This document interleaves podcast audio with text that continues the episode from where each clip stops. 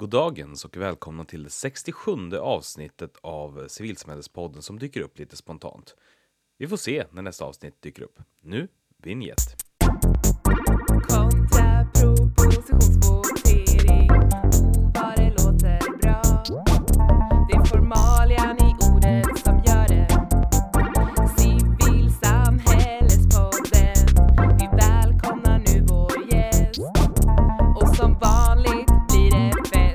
Idag sitter jag tillsammans med Hanna Kroksson som är generalsekreterare för LSU, alltså Landsrådet för Sveriges ungdomsorganisationer och även då kanske mest relevant för idag ledare för demokratigruppen inom Nysta som vi kommer att prata mer om sen. Hej! Hej! Kul att ha dig här på, på länk.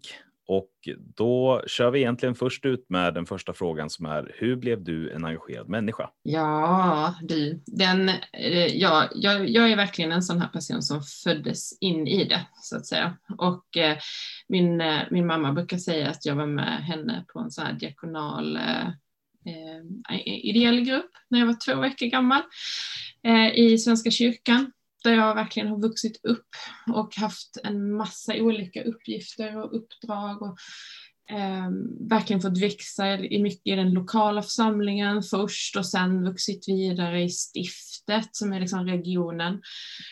Eh, och sen var jag då vice förbundsordförande för Svenska kyrkans unga i några år, mellan 2009 och 2013, vilket var helt fantastiska år. Hur kommer det sig att du var vice så länge? Det känns som en post som man antingen brukar liksom kliva uppåt eller försvinna ut från snabbare. Alltså jag är verkligen en vice ordförande. Jaha, Eh, ja, eh, vi får väl se. Jag, nu, har jag, nu har jag blivit ordförande också i vissa sammanhang och så. och Det är väldigt, väldigt roligt och jag försökte ju bli ordförande i Svenska kyrkans unga också. Det ska man ju inte hymla med. Men jag, eh, jag är faktiskt verkligen, jag har kommit på det, så jag har varit vice ordförande för flera grejer. Och just nu är jag vice förbundsordförande för Sensus studieförbund och jag är vice förbundsordförande eller riksordförande för Hela människan som är kyrkornas sociala arbete. Och jag har varit vice ordförande för Kristna fredsrörelsen och i eh, studentteatern på Stockholms universitet och så. Jag vet inte, det är liksom en, det är en position som jag ändå är ganska bekväm med måste jag säga. Och jag chansar nu, men, men var inte du förtroendevald i LSU också innan du blev generalsekreterare? Jo, då var jag också vice ordförande. Det var det jag hade för mig. Ja, precis. Ja. Ja. Så, det, så är det. Men, men vad är det med vice ordföranderollen som, som är så fantastiskt då? Jag, jag, ja, det, alltså, jag har haft otroligt roligt på mina vice ordföranderoller. Jag har jobbat väldigt, eh, jag har fått jobba väldigt nära mina ordförandlingar oftast. Eh, just perioden i LSU blev lite speciell, men eh, eh, eftersom att vi hade sjukskrivningar och det var mycket som hände i organisationen och sådär. Men i, på, det hela, på det hela taget så tycker jag det är väldigt roligt som vice ordförande att ändå få verkligen jobba nära en ordförande och att liksom men, finnas med och behöver liksom inte ha den där rollen. Jag tror att på ett sätt har det också fostrat ganska mycket det som jag nu liksom jobbar med som generalsekreterare, att man är att, att jag gärna liksom tar det andra perspektivet och liksom kanske nu då är väldigt mer operativ och liksom implementerande och eh, strategisk på ett annat sätt, att jag inte behöver vara den liksom, eh, representativa eh, utåt på det sättet som jag tänker att en ordförande oftare är. Men i Svenska kyrkans unga så var det faktiskt mycket så att jag som vice ordförande hade mycket av de externa relationerna utanför Svenska kyrkan eh, och utanför Svenska kyrkans unga själva, medan då ordförande fokade mycket inåt i rörelsen och jag mer titt- liksom jobbade med andra organisationer, vilket ju också var en av anledningarna till att det var ganska lätt för mig sen att gå vidare till LSU, för att jag liksom just att jobba externt och jobba med samverkan är det som liksom har präglat hela min engagemangstid väldigt mycket skulle jag säga. Jag är ju också ordförande nu då för NOD som är den här samverkans eh, samarbetsorganet mellan civilsamhället och regeringen. Eh, och det är ju också, eh, ja, det är ju också verkligen ett, ja, men det är ett jätte, jätteroligt arbete där man, där man får eh, liksom, så långsamt på något vis men ändå föra saker framåt och liksom lära av varandra väldigt mycket. Det är, jag, jag tror jag lärde mig otroligt mycket i Svenska kyrkan och Svenska kyrkans unga just liksom på något, ibland så brukar jag kalla Nord för liksom en ekumenisk liten funktion mellan nästan då mellan civilsamhället och politiken. Att, man, att det handlar väldigt mycket om att liksom stå kvar i dialogen och prata och nå, saker nå fram i konsensus och sådär. Och hur blir det en ekumenisk funktion? Ja, nej men det är liksom mycket det här, man ska inte övertyga någon annan om vem man är, eller, eller om att den ska bli som en själv, utan man ska liksom respektera varandras roller väldigt mycket. Eh, och att man, det viktiga är att man liksom är tydlig med, med sig själv på något vis och att man kan eh, jag, jag känner igen mycket av det från så här, interreligiösa samtal och sådär också, där det verkligen är viktigt att man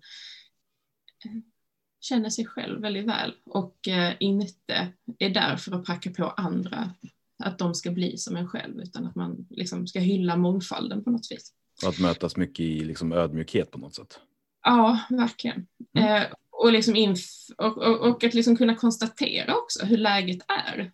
Det finns ju liksom en maktbalans där och att kunna se den och liksom ändå agera eh, inom den eller trots den eller vad man nu vill se. Liksom. Ja, eh, en, eh, en sista fråga som, som jag är lite nyfiken på, men, men hur, hur gick det och hur kändes det att gå från då att vara förtroendevald till att vara anställd i en och samma organisation? Det har inte bara varit enkelt, men det har varit väldigt roligt. Jag har ju eh, det, är, det är klart att det finns lite utmaningar i det, men, men jag jag kände väldigt mycket, så vi, som sagt vi hade ganska omvälvande år på LSU under, mina, under min tid som förtroendevald. Eh, vi gjorde om väldigt mycket vi, eh, liksom, och sådär och på något vis så kändes det skönt att kunna liksom, ta en annan roll. Eh, att jobba med det som jag tror att jag är bäst på eh, och att också på något vis vi behöver verkligen skapa ett tydligare organisatoriskt minne. Men innan det helt och hållet är på plats så var det också skönt att få bidra med att liksom vara den, vara någon som liksom inte, inte spräckte upp allt det här som vi liksom på något vis hade skapat utan också kunde liksom fullfölja grejer. Eh, och att göra det liksom från en annan position. Det kändes bara förmånligt faktiskt. Hur ofta tänkte du eh, tankar i stil med vad tänkte vi när vi tog det här beslutet och varför måste jag leva med det nu? men det, det tänker man väl ibland, men det är inte men, men det är också det är jätteviktigt. Och, alltså, det är verkligen en, det är en förmån också att kunna se just det här med, apropå makt och roller och sånt igen, liksom att, att veta så här, men det här, det här vet jag att jag måste fråga någon annan om, för det här, det här hade jag velat bestämma själv. Um, om jag hade varit förtroendevald. Uh, jag uh, hade första ledningsgruppen som jag jobbade med då på LSI var ju ett gäng gamla ordföringar eh, i princip var vi det alla tre och det var liksom jag kände att vi, alltså det, det, fanns, det var en väldig styrka i att ha en sån hög ideell kompetens i den gruppen, att man liksom lätt kunde sortera vad som hörde hemma var. Så det, det var väldigt skönt. Och om vi då eh, ska rulla över lite grann på det här med Nysta. Eh, mm. Och då är det så att du är först ut eh, Eh, av de olika grupperna som finns eh, kopplat till Nysta eller Nystart som det heter. Det är en väldigt kort förkortning. Eh, men så att jag tänker vi börjar i änden. Vad är Nysta för någonting och vad är liksom syftet och hur kom det till? Och, ja, vad, vad gör, varför finns Nysta och hur kom det till? Ja, alltså Nysta är ett initiativ som kom till för under våren, så nu var det, under, under den här våren så fick vi ju coronapandemin i världen. Och vi, många lamslogs ju väldigt, samhället ser inte alls likadant ut som det har gjort tidigare. Eh, och nya allianser och nya samarbeten och så här har uppstått. Eh, och framförallt så kände vi väl liksom många ett stort behov av att koordinera oss väldigt mycket. Alltså man, behövde, man behövde prata med varandra mer än vad vi någonsin har behövt prata med varandra. Nu har jag ju alltid liksom, som sagt drivit och tyckt att det var väldigt kul med samverkan. Men jag skulle ändå säga att fler såg liksom den akuta behovet av det nu under våren. Eh, och det var ju enormt viktigt också såklart att ha en bra dialog med det offentliga.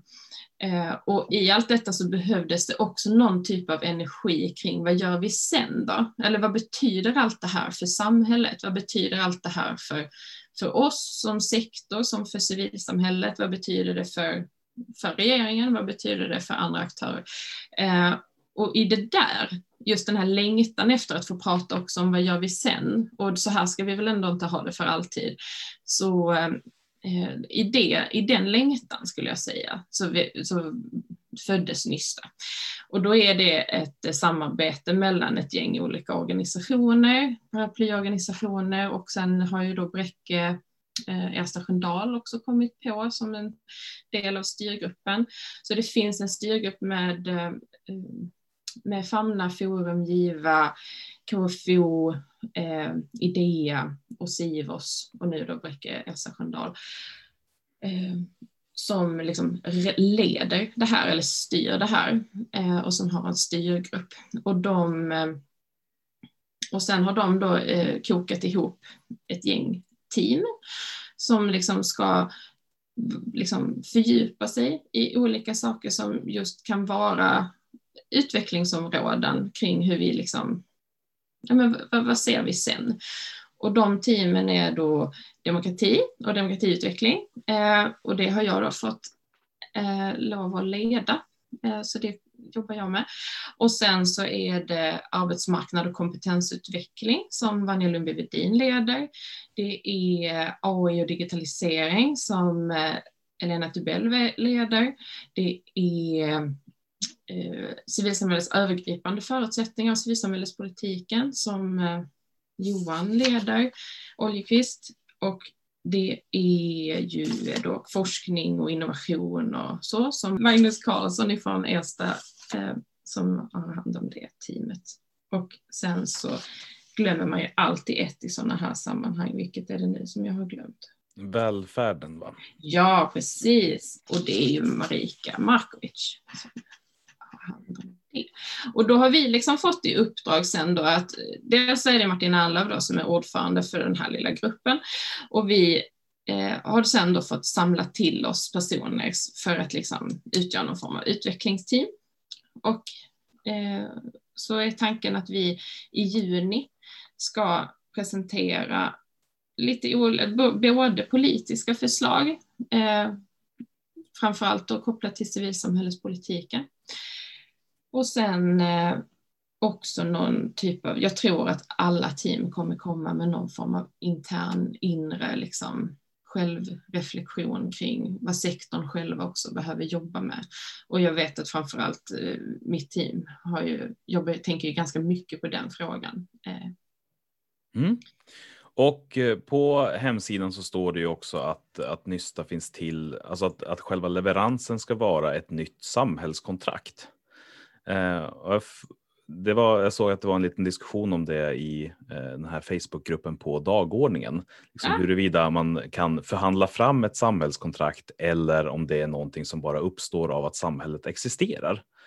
Eh, har ni tänkt någonting särskilt kring just det här med att det är ett samhällskontrakt som är målet eller är det bara ett sätt att försöka sammanfatta vad, vad ambitionen är? Jag skulle säga att vi tänker ganska mycket på det där, men inte som i att vi liksom är helt eh, varken överens eller har en jättetydlig, liksom, vi är inte där än, skulle jag säga. Framför, alltså, jag tycker det är väldigt kul att möta de här andra teamledarna just i diskussioner om det här, för det känns som att där händer det väldigt mycket och att vi liksom verkligen kan utveckla varandra på ett bra sätt. Men det är ju det är ju inte, alltså jag ser det framför allt som att man tänker, att vi tänker liksom ändå att Nysta eh, ska synliggöra civilsamhällets pusselbit i det här samhällskontraktet och att man också då eftersom att vi ska föreslå eh, politiska förslag som förhoppningen är att vi ska komma med väldigt konkreta politiska förslag till förbättringar för civilsamhällespolitiken, men ändå ett sätt då att också få det offentliga och regeringen då att liksom på något vis eh, gå med på den delen eller så. Och, och det är klart att det kan förändra eh, just hur det här samhällskontraktet är uppbyggt eller liksom hur man hur man verkar inom samhällskontraktet kanske man ska säga istället. Men Eh, jag tror att alla sådana här förändringar och förbättringar som vi förhoppningsvis liksom hittar nu runt om i sektorn och, och liksom kan lyfta fram, det kommer ju ändå stärka samhällskontraktet och göra, göra det nytt. Eh, men inte som kanske som att det är helt så radikalt annorlunda, men ändå som att det, det sker en förändring. Liksom. Det tror jag väl och hoppas på att vi kommer kunna klara av. Ja. Och din egen grupp då ska arbeta med demokratiutveckling och ska presentera förslag på hur principerna mångfald och dialog kan förstärkas och förbättras inom civilsamhällespolitiken för att förstärka civilsamhället som en kraft för, ett, för en vitalare demokrati i Sverige. Mm. Hur ska ni göra detta? Eller vad, hur, hur långt har ni kommit? Var, vart är vi nu? Ja, vi började ju då med, liksom, det, är, det är jag och så har jag en co-pilot eller så i Martin Nilgård som är generalsekreterare på IM. Och, eh, och sen får vi, vi jobbar då med särskilt stöd av Forum som är liksom vår supportorganisation i det här. Eh, så vi, vi har ju haft samtal egentligen från i somras och framåt kring liksom just vilka vilka röster behöver vi i det här? Vilka utmaningar kan vi se? Lite så här, eh, I den där gruppen, du, din co-pilot och eh, FAM, eller Forum? Precis. Mm. Uh, så att vi, vi, skulle ju då börja med att sätta ihop det här teamet och det är ju ändå en ganska viktig liksom, pusselbit i hur man, hur man kommer vidare. Och nu när vi har träffats några gånger i teamet och jag säger inte att det är liksom, vi kan säkert det kanske kommer dyka upp en och annan ny människa i teamet, men nu är liksom plan, nu finns det ändå ett team och där är tanken sen att vi då kommer jobba med olika typer av aktiviteter. Vi har eh, eh, vi har en hel del grejer på gång, jag tänker jag ska komma in på det igen snart. Men, men vi började liksom ändå med att försöka nu så här, titta på, just bara det här då med att sätta ner foten kring vad det egentligen vi tror att vi kan åstadkomma under de här månaderna, under det här året. Och att liksom säga att vi har tydliga ambitioner om att just ta fram ny politik eller liksom tolka politiken liksom framåt just kring principerna för mångfald och dialog det var ju också ett sätt att försöka ringa in, så här, vad kan man egentligen göra? Vad är, vad är det vi behöver göra och vilka kompetenser behöver vi då sen för att kunna göra det? Och vad ser vi är hotat? Så det teamet har gjort först, eh, utöver att liksom ha blivit till, så är det att vi har satt ihop ett strukturpapper eh, mellan oss där vi just eh, identifierar vad som är mest brinnande och vad som är mest viktigt just nu.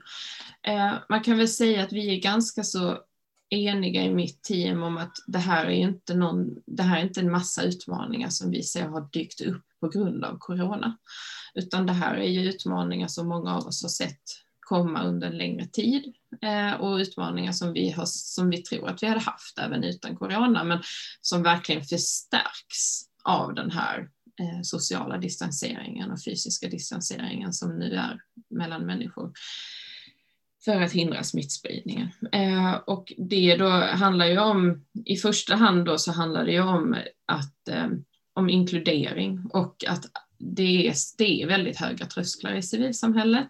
Eh, att det finns eh, Ja, det är något, alltså LSU har jobbat med den här frågan ganska mycket. Eh, nu senast hade vi ett stort projekt kopplat till antirasistiska liksom, och rasistiska eh, mönster och, strukturer. Eh, och eh, just att liksom, LSU har antagit en position om att anse liksom, tydliggöra samtiden som en postkolonial eh, tid och att i det liksom också se olika, eh, att liksom att det finns väldigt mycket maktstrukturer kring hur vi engagerar oss, organiserar oss och att det finns eh, normativa hinder som gör att det inte är alltid så lätt.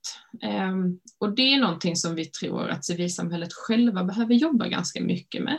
Så det, och det är en, en viktig del, liksom, det är stora hinder på det området som vi där vi vill liksom synliggöra hur man skulle kunna jobba med att möta dem.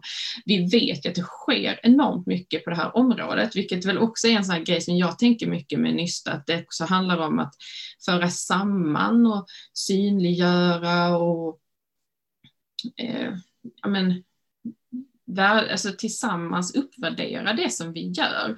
Att inte, att inte bygga så mycket på konkurrens utan att snarare liksom lära, verkligen hitta de här lärtillfällena mellan, mellan organisationer och, och sådär. Eh, så det är det ena spåret, liksom att jobba med mångfalden internt kan man väl säga i civilsamhället och hur man själv eh, blir mer demokratiska organisationer. Eh, Precis sen, utifrån hur civilsamhället inkluderar en större an, alltså bredd av befolkningen helt enkelt. Ja, och hur, ja, hur, man, tar, hur man är mer till, lättillgängliga och inkluderande eh, och på det viset då demokratiska. Eh, det, så det, det är liksom det första spåret kan man säga. Sen finns det då ett eh, det, det andra fokusområdet handlar om externa hot, sånt som kommer utifrån och påverkar sektorn från annat håll. Eh, och då har vi valt, där finns det liksom två spår just nu som är ganska öppna och det ena är ju de ökade administrativa och ekonomiska liksom, eh, systemen och riktlinjerna som vi ser framförallt från det offentliga. Att det är eh, vi, vi kommer diskutera hur demokratikriterier, villkor, hur demokratikriterierna till exempel eh, faktiskt också kan hota demokrati.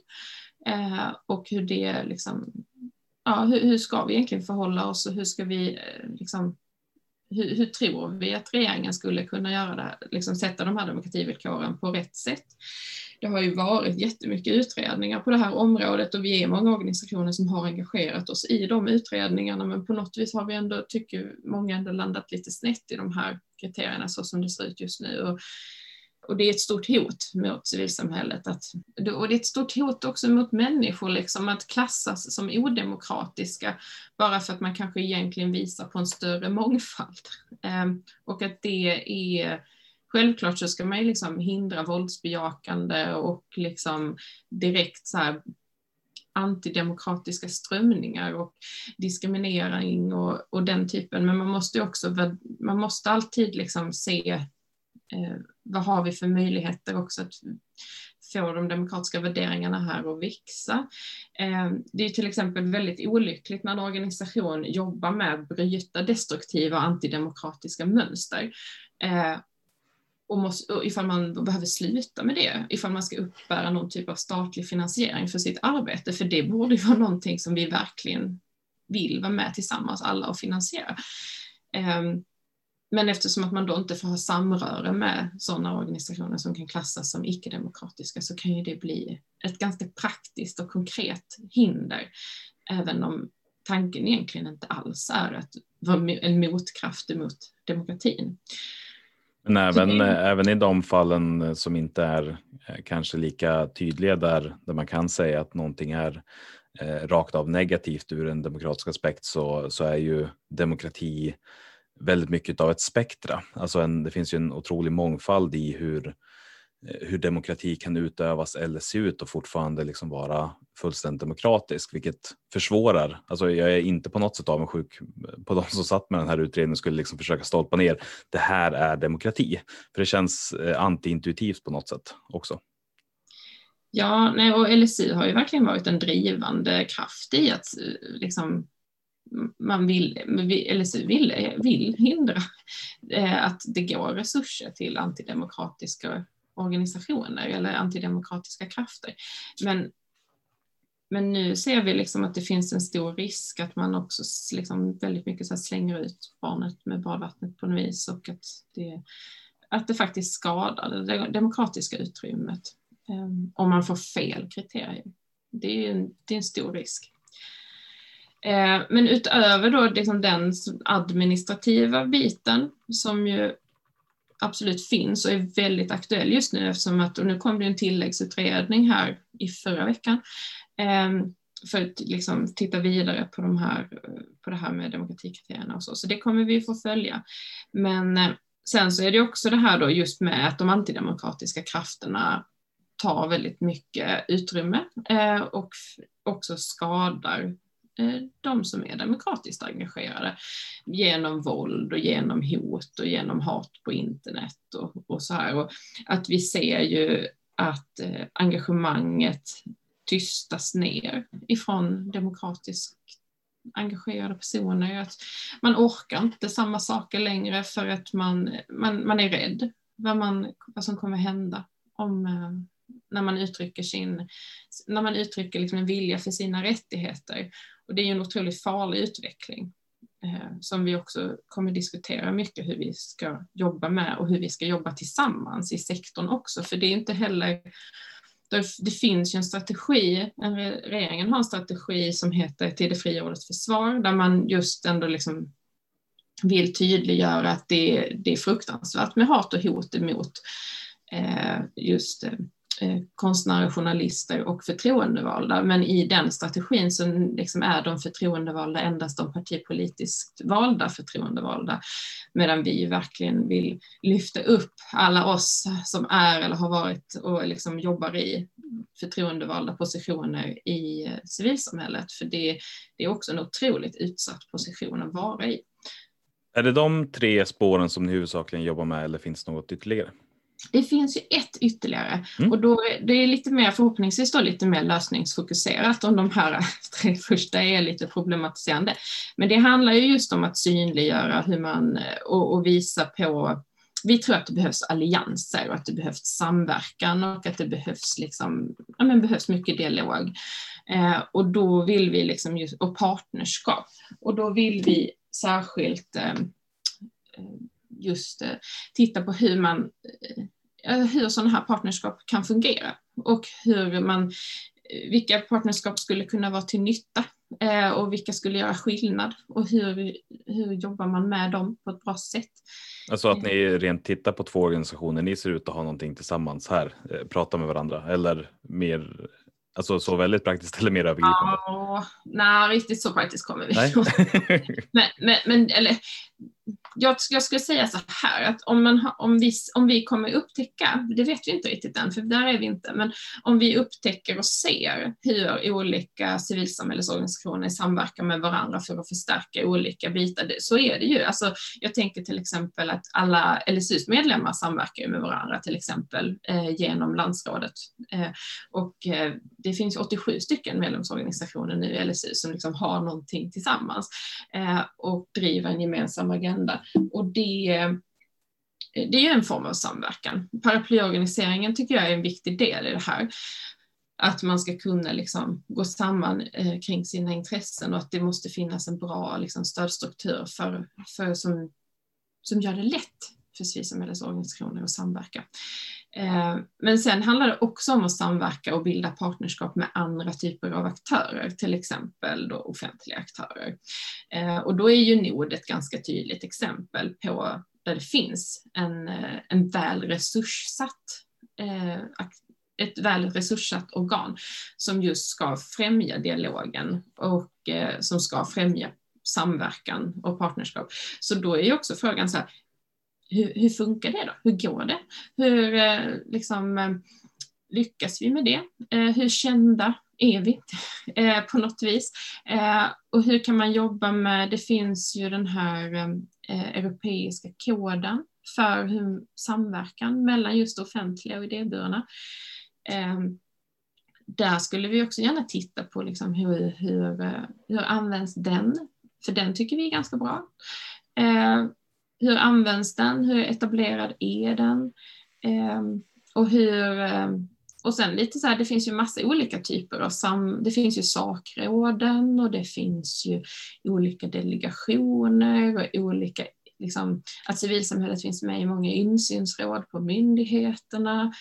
Det är ju en typ av liksom, samverkan och partnerskap kan man säga på ett sätt, men sen så Eh, Eh, sen skulle det också kunna vara helt nya grejer. Alltså när vi gör utblickar i världen eh, så kan man liksom fundera på hur, hur man samverkar med media till exempel, som ju också är en otrolig maktfaktor i det demokratiska samtalet. Liksom, eh, hur rättsväsendet eh, förhåller sig och eventuellt liksom förstärker eller samverkar med civilsamhället. Eh, så att den typen av partnerskap tänker vi väl att vi vill titta lite närmare på. Ja, och med de här fyra spåren, min första reflektion är att de, de är väldigt eh, omfattande, stora och eh, liksom komplexa. Hur, hur, hur, börjar man överhuvudtaget liksom plocka i något av de här områdena när man också har ambitionen till hela civilsamhället? Alltså det, är ju, det är klart att vi har tagit på oss en stor grej här det, och det, det är klart att det här är en liten utmaning, men det är det vi börjar i är ju mycket att liksom eh, samla in erfarenheter, att vi, att vi är med, dels att liksom bidra till eh, nya samtal, eh, att vi liksom skapar aktiviteter och workshops och, och så, där vi också får input till liksom på de här, det är väldigt viktigt för oss tror jag att hålla målet på att vi, vi ska komma fram till ny civilsamhällespolitik eller vi ska liksom göra en, även om vi, jag vet inte hur mycket vi kommer skriva om civilsamhällespolitiken, men vi kommer ju att liksom titta på hur man ska tolka eller hur man ska liksom jobba med de här liksom principerna, om mångfald och dialog, tänker jag, på ett så, så, så bra sätt som möjligt. Så att de verkligen får genomslag och gen, liksom, så att de är starka. Och då, så att, att vi, vi, liksom, vi som är i teamet, vi måste ju hela tiden ha blicken på det då, att det är det vi ska göra. Eh, men sen handlar det ju väldigt mycket om att prata med folk och samla in och ha liksom de här olika eh, mötena. Och där tycker jag verkligen att alla ska känna att det är så roligt om de vill vara med. Eh, jag förstår att det är jättesvårt, liksom, men jag, eh, jag har försökt lite här nu under senaste månaden också liksom att formulera det lite mer som att men om man känner att man har en aktivitet där man, där man på något vis liksom berör de här grejerna, där man ser att ja, men vi skulle också kunna, vi, vårt samtal kan också leda fram till liksom underlag, analys just för att förbättra dialogen liksom, och för att förbättra mångfalden och på det viset just liksom skapa ett växande demokratiskt utrymme. Då tycker jag liksom att man ska höra av sig och liksom vara lite så här, hörni, jag kan bjussa på det här. Jag, eh, jag har den här podden eller jag har eh, den här eh, tidningen. Eller vi i den här medlemstidningen så kommer vi att intervjua det skulle kunna vara en liksom jättelokal civilsamhällesorganisation som har en medlemstidning där man eh, har, eh, alltså rent konkret, man skulle kunna ta så här, fyra stycken i någon typ av demokratipanel som får diskutera olika frågor i, eh, eller på Facebook eller liksom ha så här livesamtal på Instagram. Eller så här. Jag är liksom öppen för det mesta. Att det är jättekul bara om man känner att man har liksom konkreta idéer för att förbättra det här. Eh, för då samlar vi in det just nu. Eh, och vissa grejer kommer vi då anordna själva, men sen är det ju jättelyxigt om folk vill bjussa på sina sammanhang, för vi vet ju att folk pratar om de här sakerna. Alltså, jag har ju ändå ett sådant område som verkligen lever i civilsamhället. Det tycker jag. Alltså, det är inte vi, det är inte som att, någon, att vi kommer att knacka på och säga har ni funderat på demokrati? Alltså det, det vet vi ju att det händer hela tiden. men, det, men rent väldigt eh, praktiskt då, hur, om, om man har den här typen av aktivitet eller om man har tankar som man tror kan bidra eller som man vill skicka in till, eh, till ert arbete, hur, hur går man tillväga då? Då skickar man det till mig. Och man, då, jag, jag, finns då på krokson.lsu.se. Eh, jag har ingen särskild nystadress eller så till det här, utan man kan skicka det till min vanliga e-postadress. Eh, och all, mina andra kontaktuppgifter finns ju på LSUs hemsida och på Nystas hemsida. Eh, så det, det kan man göra. Man kan också skicka det till forum eh, om man vill, men jag tror att det ändå är bra om vi kan försöka samla saker så mycket som möjligt. Och sen så kommer jag ju då, jag träffar ju mitt team nu ungefär var tredje vecka. Och sen träffar jag teamledarna också ungefär var tredje vecka. Och så eh, har vi startat en liten operativ arbetsgrupp inom ramen för mitt eh, område som just ska jobba med att liksom, ta fram det här med workshops och, och andra liksom, aktiviteter. Så, så det, det händer ju väldigt mycket. Eh, men jag har redan fått, alltså, det är det är jättekul. Alltså, bara den här DN-artikeln släpptes här i juli om att vi skulle göra den här satsningen så fick jag två böcker hem på posten för folk som ville liksom så bidra med så här, den här grejen har vi tänkt på. Så att, och allt det där finns verkligen här eh, och vi tar med oss det. Och nu kommer vi ha en workshop där vi eh, jobbar med eh, liksom förutsättningar engagemangsförutsättningar och demokratiska förutsättningar lite beroende på, alltså med där frågan är liksom hur man tänker kring glesbygd och landsbygd och, och så, för det är ju det är också det att det är ju inte, det är ju väldigt olika förutsättningar för de här, alltså Sen nu, nu är det liksom speciellt, verkligen speciellt här i coronatiden nu när vi alla är så digitalt uppkopplade hela tiden. Eh, inte för att alla faktiskt har så bra uppkoppling, vilket ju också är en utmaning, men men man kan väl säga liksom att riksorganisationer, jag tycker att jag ser att riksorganisationer får eh, liksom lite energi av att de når ut mer. I liksom, det är lättare att nå sina medlemmar lokalt i olika delar av landet. Men jag, det jag är oroad för mycket kring civilsamhället handlar ju mycket om det liksom lokala engagemanget som är alltså, som är, har, fyller en social funktion på ett ännu tydligare sätt. Liksom, man, och det, ja, det, det, det är sådana saker som oroar mig mycket i coronatider. Hur vi, hur vi ska repa oss från det. Det tycker mm. jag. Finns det någon sån, eh, sån insikt som redan har drabbat er som du kan bjussa på?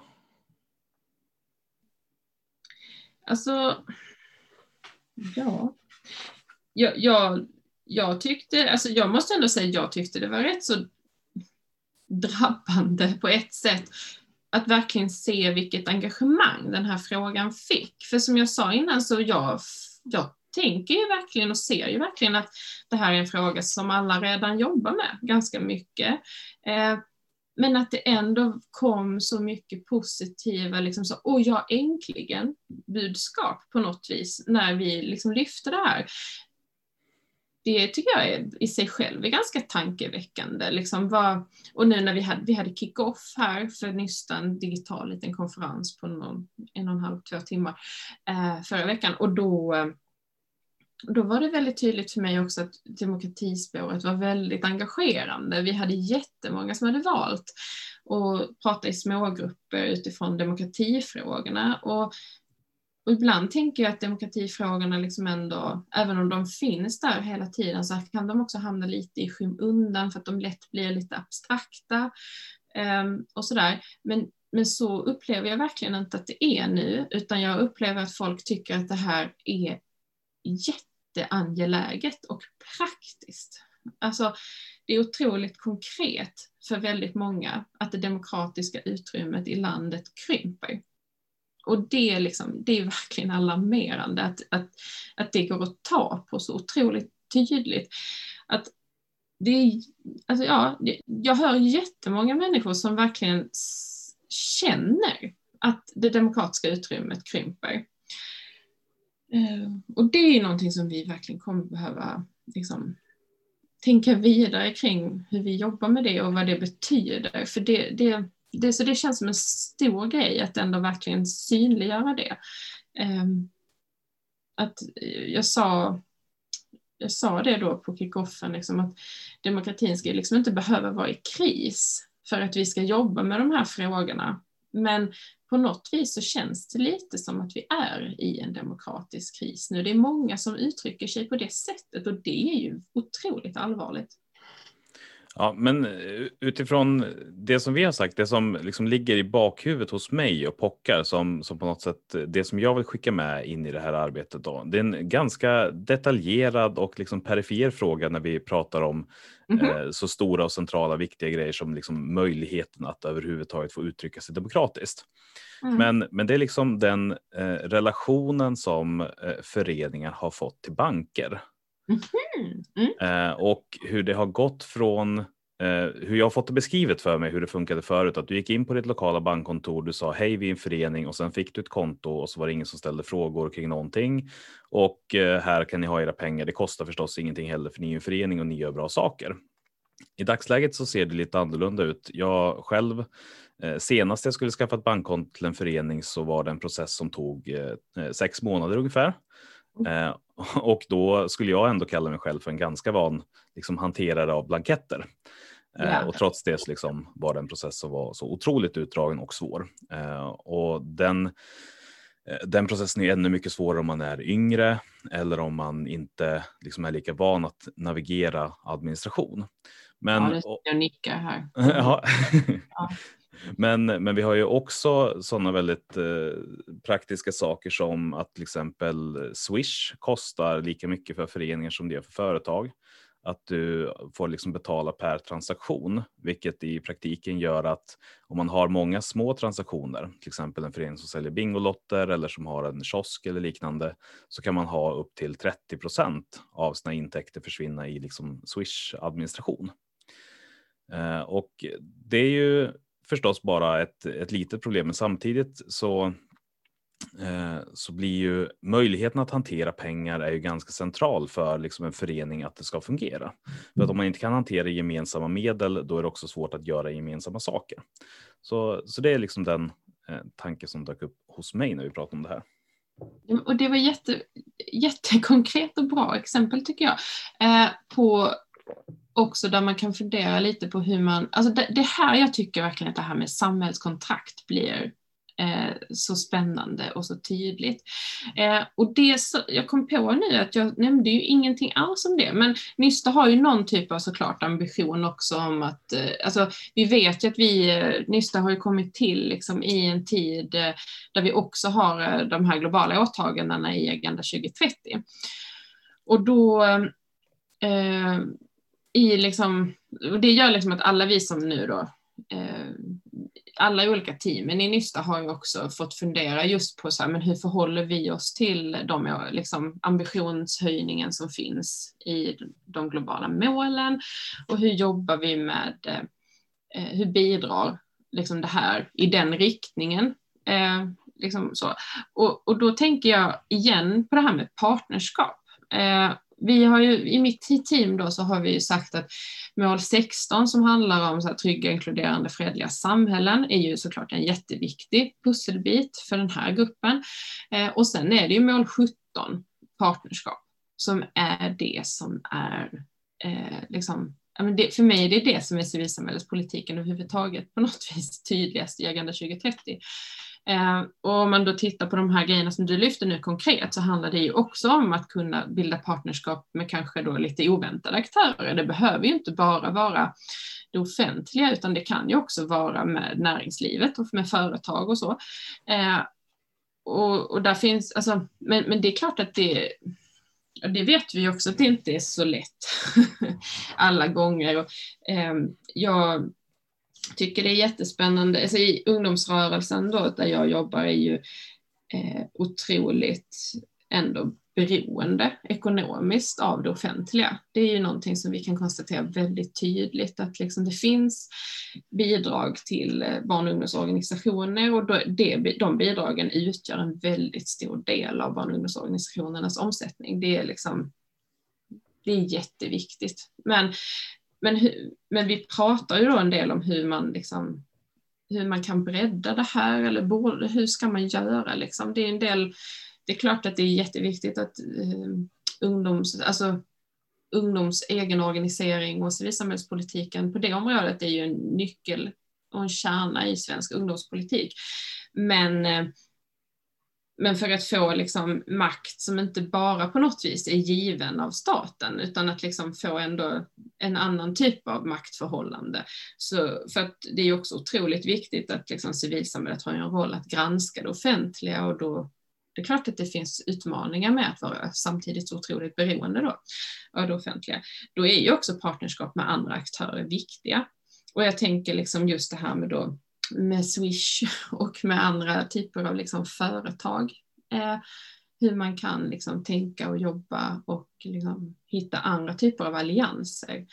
Eh, det tror jag är en sån där grej som just, det, det, när vi, om vi hittar sådana partnerskap så kommer vi rucka lite på samhällskontraktet eh, och liksom föra oss i nya riktningar och liksom sådär det, det tycker jag är ett bra exempel på hur, eh, men, eh, alltså, ifall man tycker att samhällskontraktet är ett svårt begrepp, liksom, så tänker jag att det handlar ju väldigt mycket om just alla de här också små avtalen och partnerskapen som vi ingår med varandra hela tiden.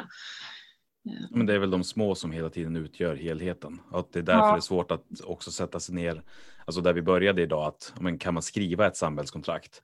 Och jag, jag tillhör nog den gruppen som, som tror att man inte riktigt kan skriva ett samhällskontrakt, just för att det är mer som normer, alltså någonting som också existerar, inte alltid särskilt uttalat, men det är så det fungerar. Eh, och speciellt Ja. eftersom att det är så otroligt många små ofta liksom väldigt detaljerade grejer som sen tillsammans utgör en slags helhet av hur samhället fungerar.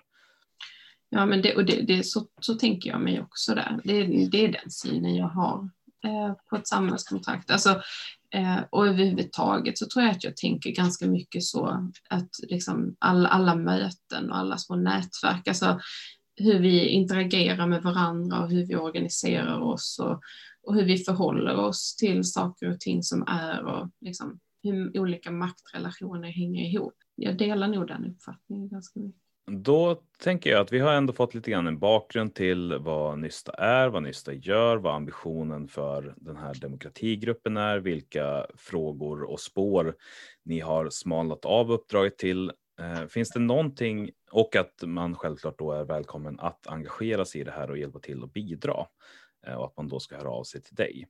Men finns det någonting kring det här som vi inte har pratat om som du känner är viktigt att lyfta upp eller som du har tänkt på? Jag vet inte, jag, jag tror jag skulle vilja, jag vill förstärka liksom den här eh, inför kickoffen nu så skickade vi ut frågor som man fick välja till de här smågrupperna.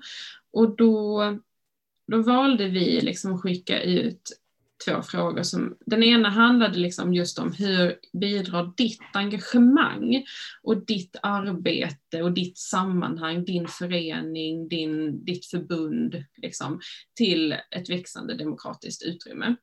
Eh, och liksom, det är liksom, och den liksom ingången i det hela så här att jag önskar verkligen att Nysta kan bli en, en möjlighet där vi får chansen liksom att se också hur vi själva är, alltså det pratar vi en hel del om tycker jag i teamledargruppen, alltså så här att liksom, ja men mycket då tillbaka till det här med eh, den blicken på oss själva och liksom den interna självkritiken av eh, hur eh, när vi brister demokratiskt och sådär. Jag tror också att det finns brister i liksom att hur, man, hur man ser på sitt eget, alltså jag tror vi måste också vara duktiga på att berätta hur vårt sammanhang bidrar till eh, demok- demokratiskt utrymme, till demokratiutveckling, hur vi är en pusselbit i liksom, demokratin Sverige.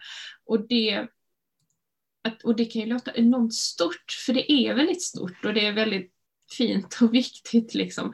Men, men, det, men, men som du var inne lite på nu här, då, det är ju också, även där är det ju de här små grejerna kanske som man måste liksom få syn på. Och då handlar det ju inte om, för ibland så landar den här diskussionen i att man liksom ska börja då effektmäta och man ska liksom redovisa en massa, alla de här detaljerna som jag nu säger att man ska sitta liksom och berätta om.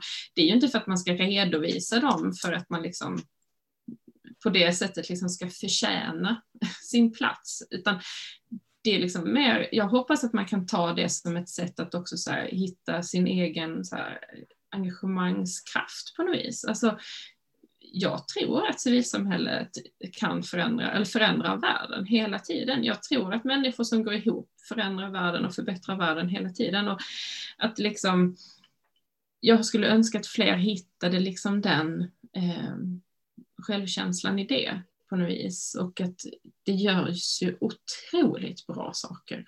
Ja, men just det att även när, när jag bär stolar till en föreläsning på biblioteket en, en onsdag kväll, en regnig dag i november, så är det också en otroligt viktig pusselbit i helheten som utgör vår demokrati. Ja men verkligen. Alltså, ja det tycker jag. Och sen så, och då vet jag liksom inte, är det så att det är lite läskigt? Eller vad är det som gör att det där blir så svårt? För ibland så, alltså, eller är det det? Jag kanske bara liksom Men jag tror inte, jag vet inte om läskigt är rätt ord, men, men just abstrakt. ja. För att det är också så otroligt svårt. Jag, jag kommer ihåg den eh, känslan själv när jag började engagera mig nationellt i civilsamhället. Alltså just när hur världen så mycket växte för varje dag som gick på något sätt när jag såg mer och mer hur allting hängde samman. Hur, alltså just att göra den resan från lokalt engagerad till eh, den nationella nivån. Att då kunna se tillbaka och förstå, men när, när jag visar eh, 12-åringar hur man målar Warhammer-figurer. Alltså vilken, mm. vilken, vad har det för effekt eh, på, på det stora hela i, i slutändan? Så att jag tror mer att det är, det är så svårt att förstå och det gäller ju inte bara liksom föreningslivet utan samhällskontraktet överlag, även om vi titta bortom de delarna som är civilsamhället och bara den rent privata sfären. Alltså, det är så svårt att överblicka hur allting hänger ihop.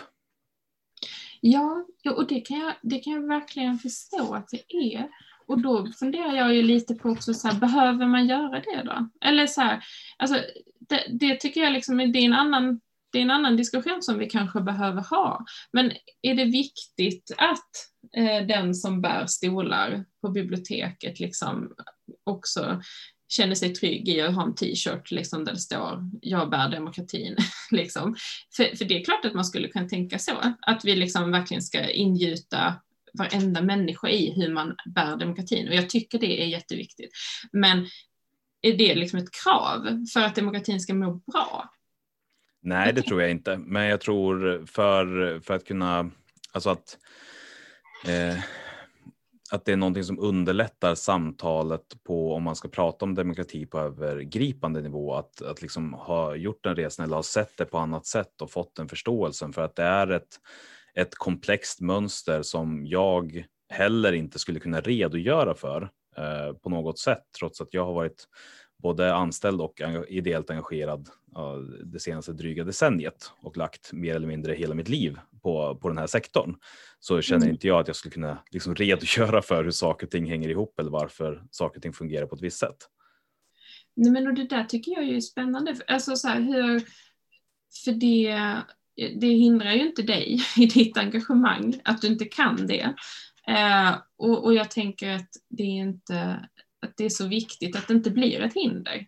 Att man inte känner att man, om man inte kan greppa helheten. Alltså jag, ibland, jag, jag tänker ibland att det kanske har att göra med att vi lever i den här tiden med all information och att vi liksom hela tiden så här ska utvärdera allting och källgranska allting och liksom, eh, vi ska veta precis vad som är rätt och vad som är fel och vad som är gott och vad som är ont.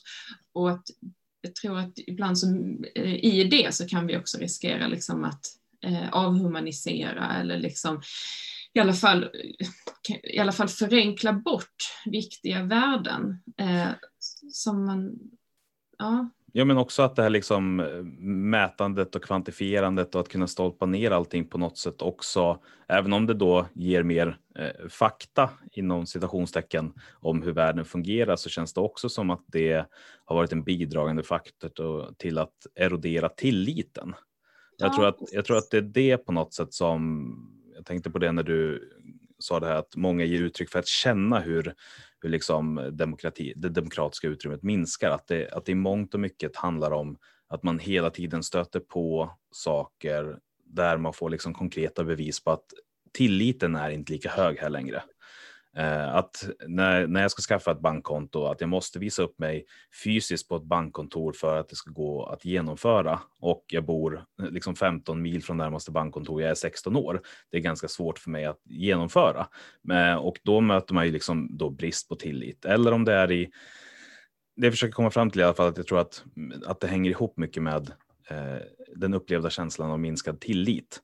Eh, det här med det minskade demokratiska utrymmet. Inte bara den mer explicita delen om liksom hat, hot och våld, eh, eller utan, utan också är den mjuka delen av tillit.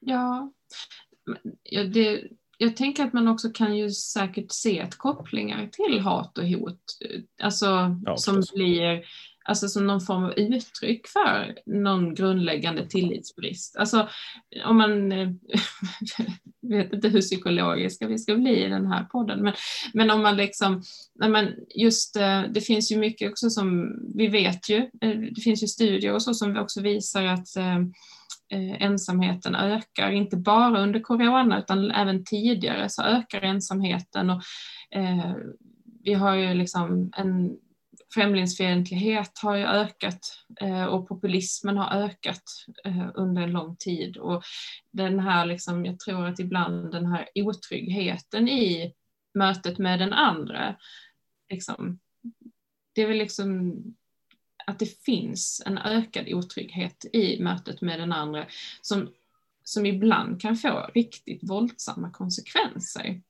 Och att man eh, och, och, det är liksom, för mig är det liksom en eskalerande trappa på något vis när man liksom först tappar tilliten till att jag kan nog vara här, jag kan nog vara trygg här själv, till att man också på något vis eh, går i, i försvar. Det ser vi runt om i världen, liksom att eh, det sker en hel del våldsbrott och antidemokratiska brott, men där ändå liksom gärningsmannen tycker att den försvarar sig själv eh, och det sina liksom på ett sätt som Eh, den här ja, men grundläggande otryggheten och tillitsbristen får ju de här våldsamma konsekvenserna. Mm. Och det, det, är ju väldigt farlig utveckling. Det kändes som en så, så dyster not att, att avrunda på. vi behöver inte avrunda så där. Nej, nej, nej. nej. nej alltså I samma andetag då så vill jag ju säga då till exempel att jag tror också att, för du frågade mig innan vad jag menade med ekumeniskt, jag tror att det är också det, det här jag menar, att att bygga tillit till varandra och att bygga tillit liksom utifrån den man är och att möta varandra på ett ärligt sätt. Ehm, för mig är det en jätteviktig sak när jag, eh, när jag är ekumen, när jag, när jag rör mig liksom i, i den typen av rum. Men, men också då när jag möter andra överhuvudtaget eh, i liksom olika möten, i olika partnerskap. Eh, att kunna liksom eh, att ha nyfikenhet mot varandra, att vilja liksom mötas, att vilja lyssna på varandra eh, och inte vara rädda för varandra och inte vara rädda för det mötet. Eh, det tror jag är, liksom, det är ju lösningen. Eh, på något vis. Det, det kommer ni lägga politiska förslag för som löser helt och hållet? Absolut. Nej, men, ja, eh, jag tror att för mig så är det en anledning till att jag är så glad att dialog är en viktig civilsamhällesprincip i svensk civilsamhällespolitik. Ehm, jag, Ehm, det finns mycket att säga om svensk civilsamhällespolitik såklart och det finns de som är mer kritiska och mindre kritiska och det finns en massa grejer man kan skriva på.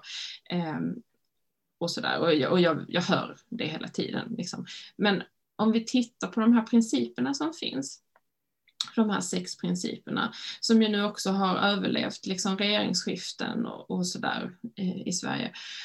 Då, ehm, då tänker jag att de ändå visar på väldigt viktiga principer som, som borde fungera.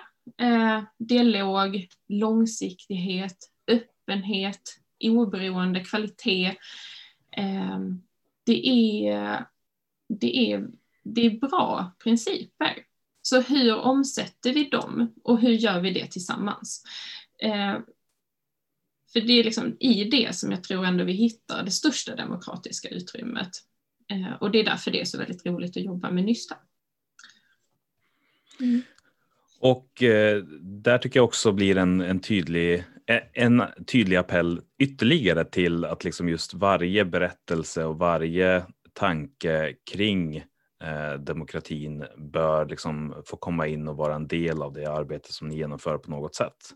Så eh, om, om, om man har suttit och tvekat lite grann men inte ska jag så hör verkligen av er till Hanna och liksom dela med er av det som, som finns i, hos er. Och då som eh, avslutning så ska vi eh, också få lyssna till vad eh, dina personliga erfarenheter som är kopplat till ditt engagemang och eh, någonting som du då har gjort väldigt bra som du är stolt över. Men också någonting där, där det inte gick precis som du hade tänkt dig och saker inte blev bra. Eh, men där är fokuset då vad du lärde dig av detsamma. Eh, och du väljer själv vilken ordning du tar dem. Men jag tänker att det är bra att börja med lärdomen. Liksom. Det finns ju massa grejer eh, såklart som man har. Alltså, överhuvudtaget så tycker jag också att det är viktigt att tänka just sådär att jag har lärt mig någonting för, och, och jag lär mig saker varje dag. Eh, men en sak som jag skulle vilja lyfta upp det är eh, LSU har jobbat mycket kring det här med psykisk ohälsa och stress och överbelastning och eh, liksom, hur man ska jobba med uppdragsmiljön och inte bara arbetsmiljön. Civilsamhället är en stor arbetsgivare eller, eller arbetsplats, men det, det är också framförallt en engagemangsmiljö där man liksom där man möts och är mindre ensam och, och förändrar och förbättrar världen. Och när vi då ser, alltså det är en sak som jag, där jag tycker att jag har varit med och gjort fel och där jag nu vill göra rätt, det är ju på något vis just kopplat till det här med när människor inte pallar mer, mer, eller när de inte orkar, när de blir sjuka. För det är någonstans det som händer när vi inte liksom, kan sätta gränser, när stressen tar över, när man, eh, när man faktiskt får fysiska liksom, och psykiska problem av att man är överbelastad, att man inte får tillräcklig återhämtning. Eh, och där liksom, jag tycker det är en sån sorg och skam ibland att liksom just det ideella engagemanget ska behöva vara det som gör att man Eh, liksom drunknar i brist på återhämtning. För det är ju där man ska hämta sin återhämtning, tycker jag. Det är där man ska få sin kraft. På eh, men, men en sån tydlig lärdom då, det är ju liksom för att ibland tänker vi då att när, när människor inte när, när människor är för överbelastade helt enkelt och, och behöver återhämtas från sitt ideella engagemang eller från sitt civilsamhällesengagemang så, eh, så stänger vi av dem.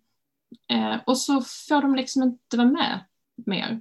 Eller liksom, det har till och med varit sådana i perioder att vi har uppmuntrat personer att sluta eller liksom inte vara med längre. För att för deras eget bästa, tänkte vi ju då. Men det är där jag har lärt mig att det är ju inte alls ens eget bästa. För det är aldrig ens eget bästa liksom att, att bli utkastad från någonting. Um, och, utan att jag tror att vi måste verkligen, um, om vi ska vara, när vi är rädda om varandra här så måste vi också men på något vis, ibland så, så, tycker jag att jag hör fortfarande att man liksom ursäktar eh, sig med att ja, men den personen försvann eh, lite grann, eller jag har inte hört av den på länge för att den hade för mycket att göra och den behövde vila. Den behövde en paus. Den behövde en paus från mig, så jag har inte hört av mig. Eh, men jag tror att det är fel väg att gå nu. Vill, man, vill man spetsa till det så blir det lite grann en, en användning av ideella som engångsartiklar. Att när du har förbrukat den att man liksom kastar bort den lite grann och sen så går man vidare och hittar en ny. Ja, och det är ju enormt sorgligt. Alltså, och det, Eh, jag tycker det också, jag ser att det är skadligt. Det är liksom inte, det skapar ju bara sår och det skapar ju bara ärr. Och det skapar också inget som helst lärande eller läkande i den organisationen som liksom blir av med sin ideella kraft. Eh, utan jag, jag önskar verkligen och jag försöker verkligen jobba med liksom att inkludera på ett hälsosamt sätt då, eller liksom på ett, ja, på, på rätt sätt. Men eh, jag vill inte att vi ska liksom klippa bort eh, människor på grund av liksom att de behövde en paus från oss. För det är inte samma sak som att de inte ska vara med längre. Och det, jag tror att vi måste liksom jobba mer med hur man, hur man kan vara med på ett hälsosamt sätt istället för att liksom just eh, avskärma. Eh, och jag, liksom, det är också en sån sak jag har tänkt på det just i relation till, alltså om man är arbetsgivare och har anställda som är stressade eller rent av får en utmattning, då måste man ju ha en rehabiliteringsplan. Då har man ju ett ansvar, hur inkluderar jag tillbaka den här personen igen på jobbet? Och det är så jag tänker att vi måste tänka i de ideella engagemangen också. Hur, liksom, hur bygger vi tillbaka det här så att det blir bra? Mm. Eh. Och eh, då passar jag på att slänga in också att eh, ni har ju Eh, på hel.lsu.se jättemycket mer metoder och tankar kring det här med hållbart engagemang och ledarskap. Ja, och vi har ett projekt som heter Vi brinner som vi har kunnat göra nu i år, där vi har fortsatt att hålla utbildningar och så är det, eh, just kring uppdragsmiljö. Så det, kan, ja, det vill jag också jättegärna tipsa om. Tack för det tipset, men för det, jag, jag ville mest äh, verkligen lyfta fram att jag tror att det här, det här, här har jag lärt mig mycket de senaste åren. Eh, för här tror jag att vi, jag och många med mig har gjort det. Absolut, det kan jag skriva under på. Men någonting som jag är stolt över då. Eh, jag är ju också väldigt stolt över att just vara i så många sammanhang där jag verkligen får lov att lära mig och där jag får lov att växa. Och just nu är jag väldigt stolt över mitt kansli eh, på LSU. Vi har liksom under hela den här coronaperioden så har vi jobbat hemma och de har gjort så enormt fina grejer och stora grejer. Och jag ser ju det runt om i hela liksom, civilsamhället också. Och jag tycker att liksom, om jag tittar på, på hela människan då, där jag är förtroendevald, på Sensus, på hela folkbildningen, det är så enormt viktigt. Och jag är jättestolt över att jag får finnas i allt det här och liksom vara en del av det. Det, det kan jag väl få avsluta med. kan du absolut få göra. Tack så mycket för att du kom hit och delade med dig.